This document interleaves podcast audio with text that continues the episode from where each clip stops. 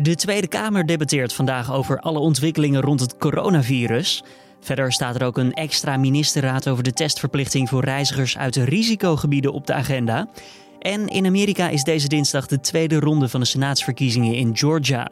Het is een erg belangrijke verkiezing, want een democratische winst kan Biden een meerderheid in zowel het Huis van Afgevaardigden als de Senaat opleveren. Voor Trump is het vooral de vraag of hij het uitgelekte telefoongesprek van zich af kan schudden. Dit wordt het nieuws. Ik denk dat het toch wel bij de Republikeinse kiezers in Georgia zoiets is van ja, maar verdorie, wat is dat nou met onze partij? Ze vechten elkaar gewoon de tent uit. Mitt Romney, toch een gerespecteerde senator in Washington, oud-presidentskandidaat, die zegt dat dit ondermijning is van de democratie. Dat het levensgevaarlijk is wat Trump doet. Dit gaat over het opmerkelijke gesprek wat de president had met zijn partijgenoot en staatssecretaris van de staat Georgia. Van afgelopen zaterdag was dat. Hij zou hem onder druk hebben gezet om extra stemmen te vinden. Willem Post, Amerika-kenner van Klingendaal, vertelt je straks alles over deze rel en de verkiezing. Eerst kort het belangrijkste nieuws van nu. Mijn naam is Julian Dom en het is deze ochtend dinsdag 5 januari. Dit is de Dit wordt het nieuws podcast. Heel Engeland gaat weer in lockdown vanwege het grote aantal besmettingen door de nieuwe besmettelijkere variant van het coronavirus. De strenge maatregelen die voor een groot deel van de Engelse bevolking al golden, blijven in ieder geval tot half februari van kracht, al dus premier Boris Johnson. You may only leave home for limited reasons permitted in law, such as to shop for essentials, to work if you absolutely cannot work from home, to exercise, to seek medical assistance or to escape domestic abuse. Er is besloten tot verlenging van de lockdown vanwege het reële risico dat de Britse gezondheidszorg het aantal coronapatiënten binnen een paar weken niet meer aan kan. Afgelopen jaar kregen we er 63.000 Nederlanders bij. Dat is de helft van de groei in 2019, al dus het CBS. Het totale inwonersaantal staat nu op zo'n 17,5 miljoen mensen. Vooral de eerste golf van de coronapandemie in het voorjaar had een groot effect op de bevolkingsgroei. Er overleden toen meer mensen dan er kinderen geboren werden en de groei door migratie uit het buitenland viel volledig stil. In Frankrijk zijn twee twintigers aangehouden voor het illegale nieuwjaarsfeest dat bijna twee dagen heeft geduurd. Zo'n 2500 mensen waren daarbij aanwezig en de coronamaatregelen werden massaal overtreden. Een van de twee personen wordt verdacht van het in gevaar brengen van het leven van anderen, van het onrechtmatig exploiteren van een drankgelegenheid, betrokkenheid bij drugsdelicten, vandalisme en zwartwerk. Het Europees Geneesmiddelenagentschap, de EMA, is het gisteren nog niet eens geworden over de goedkeuring van het coronavaccin van farmaceut Moderna. Dat betekent dat het vaccin op zijn vroegst pas woensdag groen licht kan krijgen. Ton de Boer, voorzitter van het Nederlands College ter beoordeling van geneesmiddelen, kon niet toelichten welke struikelblokken de goedkeuring nog in de weg staan. De beoordeling die wordt gedaan door afgevaardigden van 27 Europese landen. Tanya Roberts, de Bondgirl uit A View to a Kill, zou ondanks eerdere berichten toch niet zijn overleden. Zondag kwam het bericht dat de 65-jarige actrice overleden zou zijn, maar ja, dat lijkt dus niet, niet te kloppen. Roberts werd op kerstavond opgenomen in het ziekenhuis nadat ze in elkaar was gestort tijdens het uitlaten van haar honden. Voor zover lijkt het bericht dus nog wel te kloppen. Ze zou nu nog in het ziekenhuis liggen en over haar precieze conditie is niet veel duidelijk.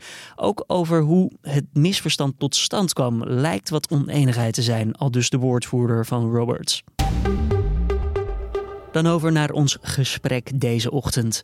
In de Amerikaanse staat Georgia gaan Amerikanen vandaag voor de tweede keer naar de stembussen in korte tijd. Ze mogen nu namelijk hun stem uitbrengen over de laatste senaatzetels.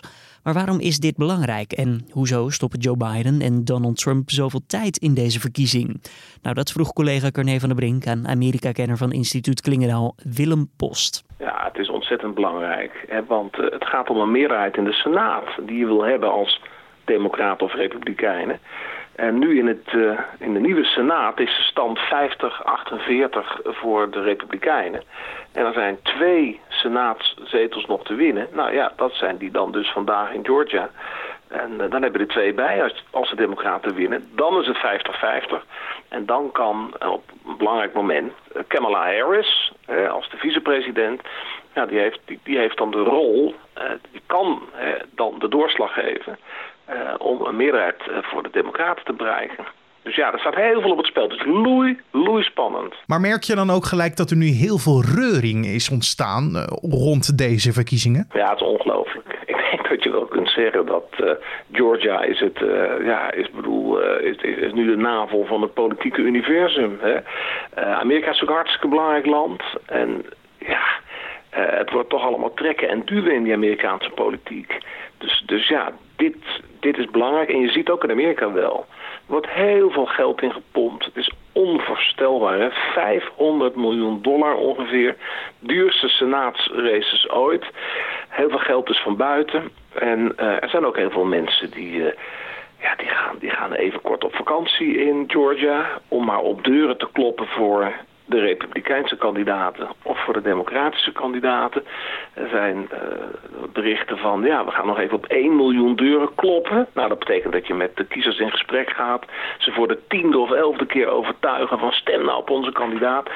Dan zie je dus wel ja, dat er ook wel een, een enorme motivatie is in dit gepolariseerde land. Hè. Het gaat erom dat je de kiezers naar de stembus probeert te jagen. En uh, ja, de eerste de eerste tekenen zijn toch wel... je mocht namelijk al eerder stemmen, en ook mm per post... dat met name nogal wat democraten en nieuwe kiezers... waaronder veel democraten, dat die dat gedaan hebben. Maar Trump heeft natuurlijk gezegd... ja, nee, je moet op de dag zelf stemmen. Vandaag dus. want uh, het is natuurlijk nooit echt eerlijk, die verkiezingen. Dat risico moeten we dus niet nemen. Stem op de dag zelf. Nou ja, komen er vandaag genoeg republikeinen Mhm. Dat, is natuurlijk de, dat is natuurlijk de grote vraag eigenlijk. Ja, en om ze nog verder aan te moedigen, de kiezers uh, voeren ook de partijleiders nog campagne, hè? Donald Trump en Joe Biden. Ja, uh, ja dat, dat is natuurlijk ook wel heel opvallend. Hè? Dat ze dit eigenlijk al nu al voor, voor, voor ja, tweede, derde keer doen. Ook Kamala Harris was afgelopen weekend in Georgia. Ja, en zo wordt eigenlijk een lokale verkiezing, het districtenstelsel in Amerika, wordt eigenlijk uh, overgenomen door de nationale politiek. Kijk, vrijwel niemand heeft het meer over agendapunten hè, van die vier kandidaten. Nee, het zijn twee republikeinen, twee democraten, hè, die strijden tegen elkaar. Nee hoor, het gaat allemaal over Donald Trump, eh, Joe Biden... Mensen proberen naar de stembus te krijgen, personality. Het is een spijkerharde campagne je nou vertelt dat, eh, dat John Ossoff, hè, de, een van de democratische kandidaten in uh, jeugdige, begin 30, uh, Joodse documentairemaker. Nou, in, in, in een sportje is bijvoorbeeld zijn neus langer gemaakt. Om, om, om zijn Joodse gezicht, zeg maar, even te accentueren. Maar bij de democraten hebben ze weer de kandidaat Leffler. Uh, die, die hebben ze bij de Ku Klux Klan uh, gezien. Althans, iemand van de Ku Klux Klan was bij een bijeenkomst van haar. Een Kelly Leffler. En ja, dat is dan een medewerker van haar. En schande. En ja, zo wordt er dus ontzettend met modder gegooid. Het is echt een smeercampagne, zoals ze in Amerika zeggen. Een smeercampagne. Maar denk je dat ze dan gaan lukken om toch de kiezers zover te krijgen om nog een keer hun stem uit te brengen? Nou ja, ik vind het niet, uh, zacht gezegd, uh, verstandig van president Trump wat hij nu heeft gedaan afgelopen weekend. Ja, door weer te gaan bellen met in dit geval zelfs een republikeinse topfunctionaris in, in Georgia. En om eigenlijk in een uur lang telefoongesprek, wat inmiddels is uitgelekt... en wat natuurlijk groot eigenlijk wereldnieuws werd de afgelopen uh, dagen... En, en waarin Trump toch eigenlijk zegt van... ja, uh, ik heb die verkiezingen verloren in, uh, in, in, november van Biden hè, voor het presidentschap. Maar dat kan dus helemaal niet zo zijn. En Brad, hè, zoals hij met zijn voornaam heet jij moet zorgen dat dat gaat veranderen. Want anders ben jij misschien wel strafbaar. Want je weet toch dat er op grote schaal uh, allerlei malversaties zijn gepleegd. En ik heb eigenlijk die verkiezingen niet met zo'n kleine 12.000 verloren, wat nu de uitslag is. Maar ik heb met zo'n 400.000 stemmen gewonnen. Maar dode mensen hebben gestemd, er is met stembussen geknoeid, enzovoort, enzovoort. We have won this election in Georgia based on all of this. And there's, there's nothing wrong with with saying that, Brad. You know, I mean, having the having a correct. You, the people of Georgia are angry, and these numbers are going to be repeated on Monday night. Along with others that we're going to have by that time, which are much more substantial even. Ja, en daarvan zeggen dus nu ook deze meneer Brad, hè, maar ook een aantal republikeinse politici uh, in, in Washington, zelfs de leider van de, van de Republikeinen in de Senaat, Mitch McConnell, die zeggen, ja, maar er zijn zo'n 60 rechtszaken geweest. Ook in, het, ook in Georgia een paar. Er zijn hertellingen geweest. Ja, het, het is jammer, maar we hebben verloren. Mhm. Nou ja, Trump maakt dus ruzie met die republikeinen. En ik denk, om op jouw vraag terug te komen... ik denk dat het toch wel bij de republikeinse kiezers in Georgia zoiets is van ja, maar verdorie, wat is dat nou met onze partij? Ze vechten elkaar gewoon de tent uit. Mitt Romney, toch een gerespecteerde senator in Washington, oud-presidentskandidaat, die zegt dat dit ondermijning is van de democratie. Dat het levensgevaarlijk is wat Trump doet. Ja. dus ja, wat voor partijen dit nou eigenlijk? Dat zullen toch nog wel wat de Republikeinen zich afvragen, denk ik, vandaag. Wat denk jij sowieso dat het idee achter dat telefoontje van Trump en zijn partijgenoot was? Om toch nog ja, een beetje in de, de, de blessuretijd de verkiezingen te beïnvloeden? Ja, kijk, als je het zo vraagt, dan zou je vanuit nuchtere uh, Hollandse mentaliteit zeggen van... ja, wat is er nou voor onzin? al die rechtszaken zijn geweest, maar we hebben wel vaker heel erg met de ogen geknipperd als het om Trump ging. Trump is iemand die niet kan verliezen. En daar hebben we er meer van in de geschiedenis. Keizers en koningen. Het is een beetje het gedrag van een zonnekoning, een beetje veel. De man is wanhopig, want het glipt door zijn vingers heen over twee weken ongeveer, dan, dan is de inauguratie van Biden. En Trump zegt in dat telefoongesprek van een uur, waar, waar de Washington Post ook uh, het hele transcript, het, uh, nou, de hele tekst van heeft vrijgegeven. Dan zegt Trump ook, je zou bijna een beetje medelijden aan hem krijgen. Ja, maar Brett, hij zegt steeds Brett dan, hè, tegen die meneer. Maar ja, begrijp jij, dat kan toch niet? Ik, als ik een verkiezingsbijeenkomst hou, ook afgelopen maandag natuurlijk weer, enorme rijen mensen. En Biden trekt nauwelijks publiek. Dat, dat, kan, ik kan gewoon niet verloren hebben. En mensen om me heen, ja, een beetje ook lakeien van hem, hè, politieke lakeien. Ja, mensen om mij heen zeggen ook... Nou, heb je gezien wat er daar is gebeurd, wat we horen? Hè? Dat er met machines is geknoeid en die dode mensen, enzovoort, enzovoort. Nou, het kan ook niet dat ik verlies. Nou, mhm. dat zit dus in zijn ziel gebrand. Een Trump, een Donald Trump, kan, kan, kan niet verliezen. Nou ja, tel uit je winst of je verlies. Uh, dat betekent dus dat Trump echt doorgaat tot de laatste seconde van zijn presidentschap... om in ieder geval te laten zien dat... Uh, nog nooit in de geschiedenis er zulke grote malversaties zijn geweest. En daarmee ondermijnt hij natuurlijk de democratie. En in zekere zin toch ook het presidentschap van Biden. Want ja, als 74 miljoen mensen op je stemmen, waaronder een, een, een vaste kern van diehards, van ja, trouwe volgelingen die in hem geloven als een soort van politieke messias. Ja, dan, dan is dat toch ook een albatros om de nek van president Biden... die, eh, die juist bruggen wil slaan, die wil helen. Maar denk je dat er dan ook nog consequenties aan vastzitten? Uh, nu het op straat ligt, het gesprek, uh, dat het sowieso gevoerd is... de manier waarop... en dat er zoveel mensen schande van spreken. Ja, het debat is natuurlijk losgebroken in Amerika. Iedere uh, juridische expert die, die wordt voor de media gesleept nu. En wat ik eruit distilleer is... Kijk, Trump danst altijd een beetje met woorden. Hè? Uh, voor ons, ik ben geen jurist, maar ons gewone leken... en ook politieke, uh, nou ja, observeren zoals ik zo klaar als een klontje. Dit is pure intimidatie. Kom op, hè, aanpakken. Dit kan natuurlijk niet wat keizer George doet, hè? Mhm. keizer Donald. Maar als je, ja, als je toch eventjes wat, wat, wat verder kijkt... Uh, een jurist zal zeggen, en dat zeggen nu toch wel de meeste Amerikaanse juristen... Trump zegt niet heel precies van... ik geef je nu de opdracht om daar en daar naartoe te gaan. Uh, de, intentie, daar gaat het om. Dus waar wij dan zeggen van nou ja, dat is volstrekt duidelijk... is er toch wel echt ook wat twijfel bij, bij nogal wat topjuristen in Amerika. Ja, je zou het kunnen proberen misschien de minister van Justitie van een van die, uh, nou ja, van een van die staten, zoals in dit geval Georgia, die zou wat kunnen. Maar Joe Biden zal met zijn ministerie van Justitie misschien toch de zaak afremmen. Want je hebt natuurlijk wel de pop aan het dansen hè, als je Trump uh, uh, zo hard gaat aanpakken. Ik bedoel, hij is geen president meer. Probeer, ja, dan toch misschien maar dit over te laten waaien. Hij beschadigt eigenlijk zichzelf. Want daar zijn toch wel heel veel mensen het over eens.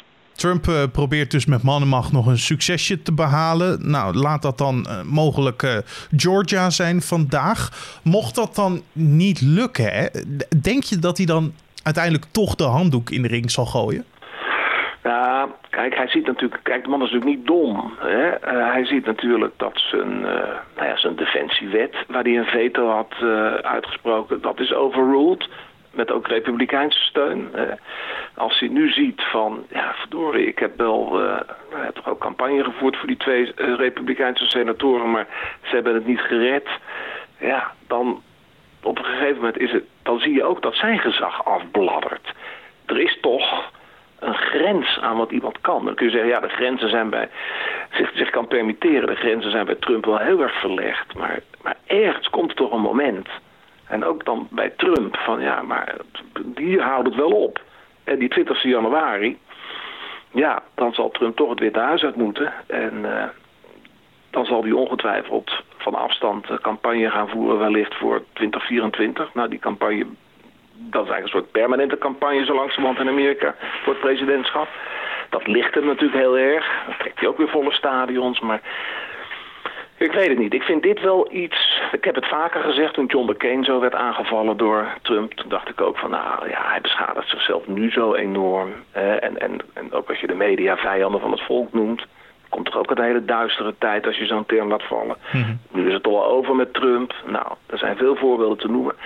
Maar dit is toch wel heel pikant. En kijk, tot nu toe konden zijn echte fans zeggen van ja, ja waar, zijn nou, mhm. waar zijn nou aantoonbare bewijzen? Nou ja, we hebben de tape.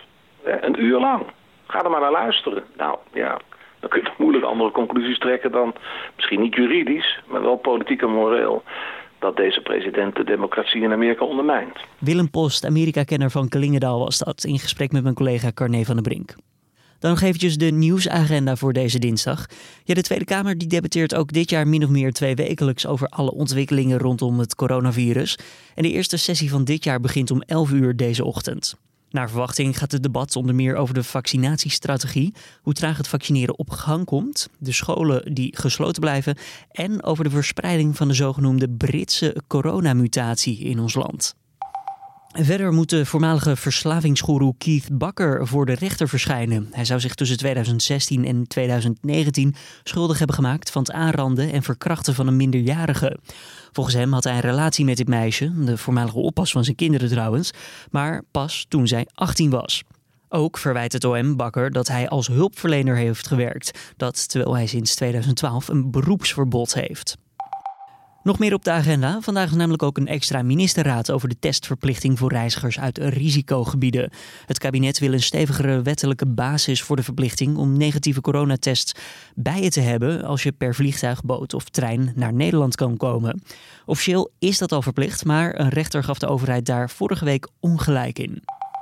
En in Schotland mogen mensen vanaf vandaag hun huis niet meer verlaten, tenzij dat strikt noodzakelijk is, of om kort even buiten te zullen sporten. De maatregel geldt voor de rest van deze maand januari. De scholen die blijven ook dicht en dat is de kern van de strengere lockdown waarmee de regering van premier Nicola Sturgeon de verspreiding van het coronavirus tegen wil gaan.